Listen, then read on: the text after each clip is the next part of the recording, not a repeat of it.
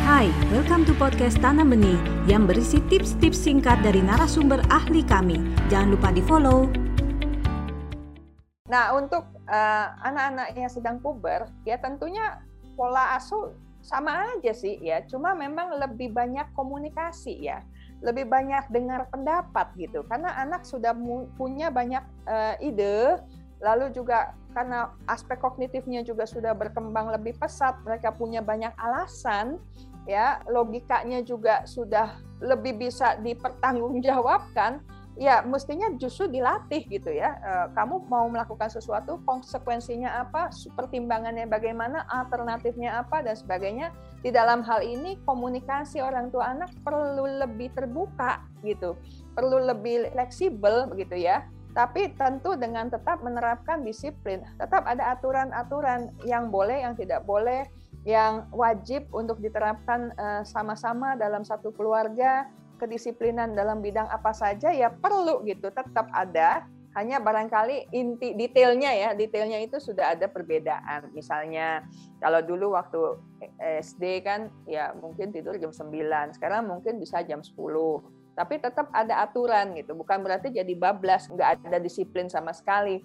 Bukan berarti yang namanya wifi 24 eh, jam Bukan berarti yang namanya gadget itu 24 jam di tangan dan sebagainya.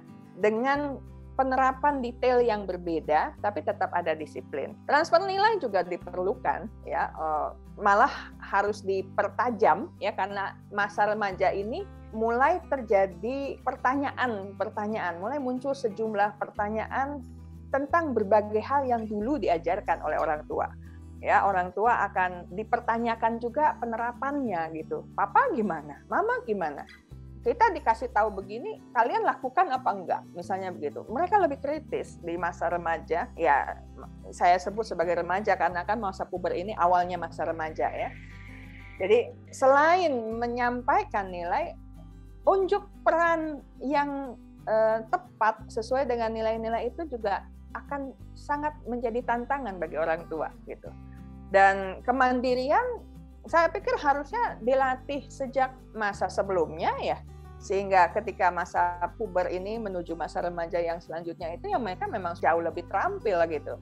Gak lagi semua-mua di eh, dalam segala hal anak dibantu oleh orang tua termasuk dalam kegiatan belajar itu mestinya sudah lebih mandiri begitu ya walaupun uh, bukan karena faktor pubertasnya ya, bukan karena faktor perubahan uh, hormon seksualnya, tetapi karena usianya ini menuntut dia untuk lebih mandiri gitu ya dibandingkan dengan waktu dia masih lebih kecil yang lebih perlu pendampingan dan pengawasan dari orang tua. Anda baru saja mendengarkan tips dari Tanam Benih Foundation. Mari bersama-sama kita terus belajar untuk menjadi orang tua yang lebih baik demi generasi yang lebih baik. Jangan lupa follow podcast kami